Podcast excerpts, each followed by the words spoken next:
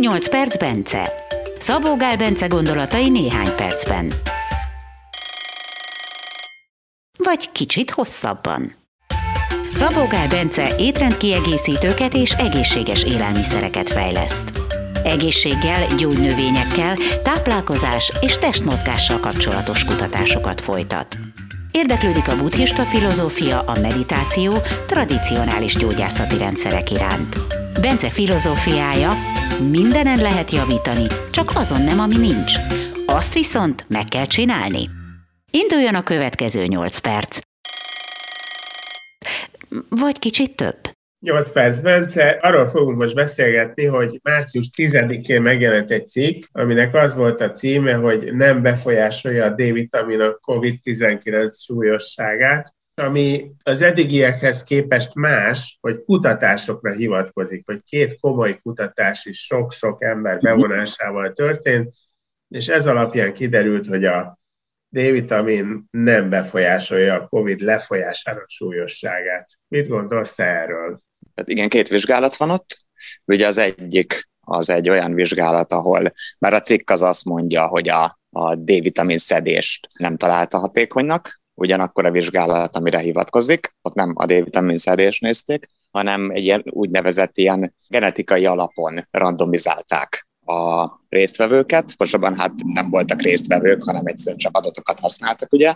És ugye azt nézték, hogy van-e bármilyen összefüggés az emberek genetikai D-vitamin státusza, vagy hogy lehet ezt fogalmazni között, és a COVID lefolyása között, tehát a betegség súlyossága között. Például az afrikaiaknak egy picit alacsonyabb genetikailag az ideális D-vitamin szintjük. Tehát náluk 40 nanogram per milliliter, ami 100 nanomol per liter környékén optimális a csontsűrűségük, még fehér embernél egy kicsit magasabb, mondjuk 42-43 körül találták ezt. Két-három nano gram per milliliter, az ez mondjuk 7-8 vagy mennyi nanomol per liter, tehát nagyon pici, pár százaléknyi plusz-minusz különbségek vannak így, így embereknél, hogy, hogy kinek éppen mennyi a, az optimális, és ugye azt nézték, hogy genetikai alapon most természetesen, akinek genetikai alapon alacsonyabb a normális, annak az alacsonyabb szint, ezzel a picivel alacsonyabb szint a, a, a normális, még akinek a picit magasabb, annak a picit magasabb. Tehát ők ezt nézték csak,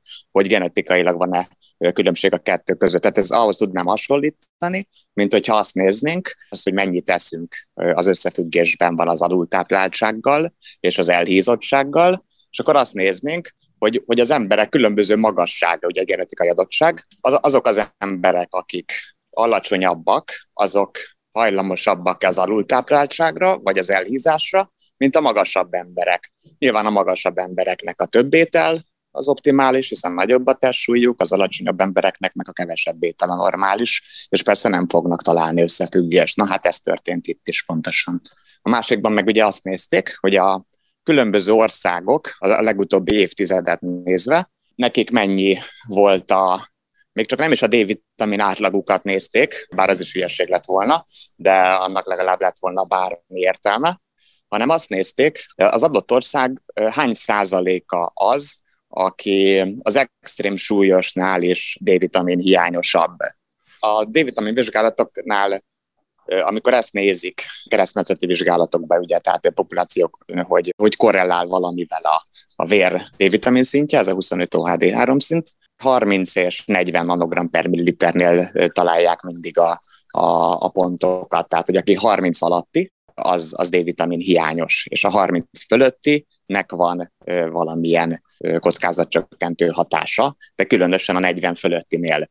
Na most ebben a vizsgálatnál viszont 20-nál húzták meg, tehát 20 nanogram per milliliternél húzták meg a határt, aminél természetesen nem lehet észrevenni korrelációt, semmit se, hiszen 30-ig nem lesz észrevehető ez a dolog. Tehát mondjuk azt nézem, hogy ha 30-nál húzták volna meg ugye ezt a határt, aminek lett volna értelme, vagy még inkább 40-nél, különösen azért, mert a korábbi vizsgálatokban azt találták, hogy akinek eléri a, most nem emlékszem pontosan, talán 35-öt, a vér D-vitamin szintje, ott enyhébb lefolyású vagy kevésbé fertőződnek meg, tehát ott találtak ugye ilyet, tehát ezt kellett volna vizsgálni.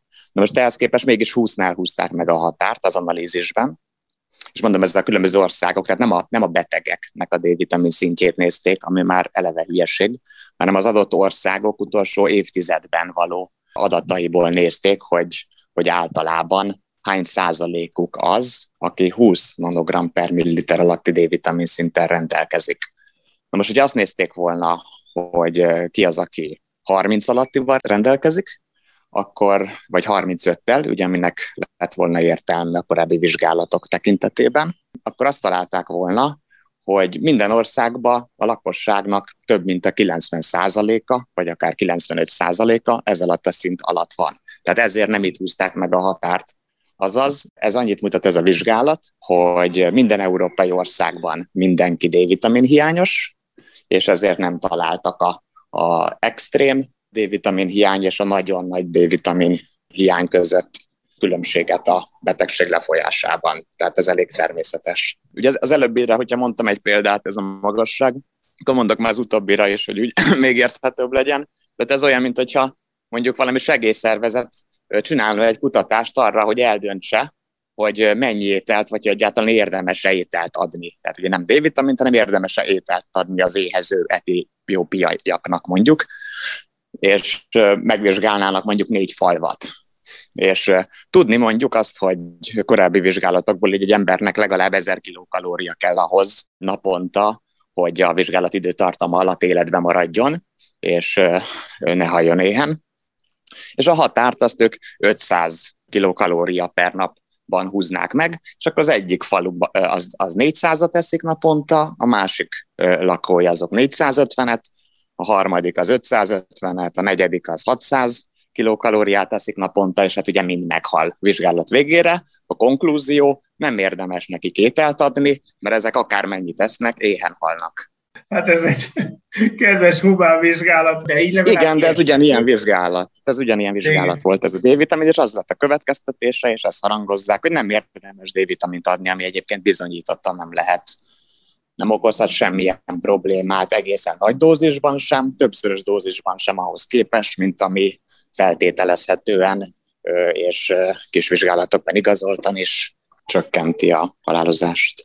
Ami itt igazán probléma, hogy elég komoly lapok kirakják ezt a cikket. Tehát ami, amiből a magyar oldalak átvették, az a Guardiannak a, a cikke, Mit lehet ezzel kezdeni? Igazság szerint ennek a kártékonysága sokkal nagyobb, mint, mint hogyha csak valaki a Facebookon írogat. Ez azért ennél egy kicsit több. Igen, elég érthetetlen ez a dolog. Az is ugye, hogy miért nem csinálnak, mert mindig azt, azt szeretik, ugye, hogyha nincsen egy elég nagy vizsgálat, akkor addig nem elég erős az evidencia, hogy, hogy ezt protokollá tegyék, és mindenki D-vitaminnal kezeljenek, és ugye erre szoktak hivatkozni, no de nem is rendeznek meg ilyen nagy vizsgálatot, vagy csak ilyen módon, tehát ahol nem intervenció van, hogy D-vitamint adnak, hanem hogy mindenféle adatokat így, így úgy elemezgetnek, amiből bármit ki lehet hozni. Vizsgálat, nem? És sokkal olcsóbb nyilván, sokkal olcsóbb, egyszerűbb, gyorsabb, akármikor bárki tudja, és, és ezt szeretik inkább kommunikálni. Hát feltehetően ugye az, az is oka lehet a dolognak, hogy, hogy a D-vitamin az nagyon olcsó, és ezért amellett kevesebb érdek sorakozik fel, mint a drágább megoldások mellett. Nyilván, aki ezeket vizsgálgatja, megcsinálja, ő csak a saját területét vizsgálgatja és csinálja, tehát ezek minden kutató lelkiismeresen kutatja a saját területét, csak nem néz onnan ki. Ebből adódnak ezek a problémák. Azok a, vizsgál, azok a kutatók, akik meg ugye kitekintenek, azok azért azok nem is kitekintenek, hanem nincsenek benne valamelyikbe, és ezért teljesebb képben tudják látni, de ezért kevesebb ráhatásuk is van a tudományos életre.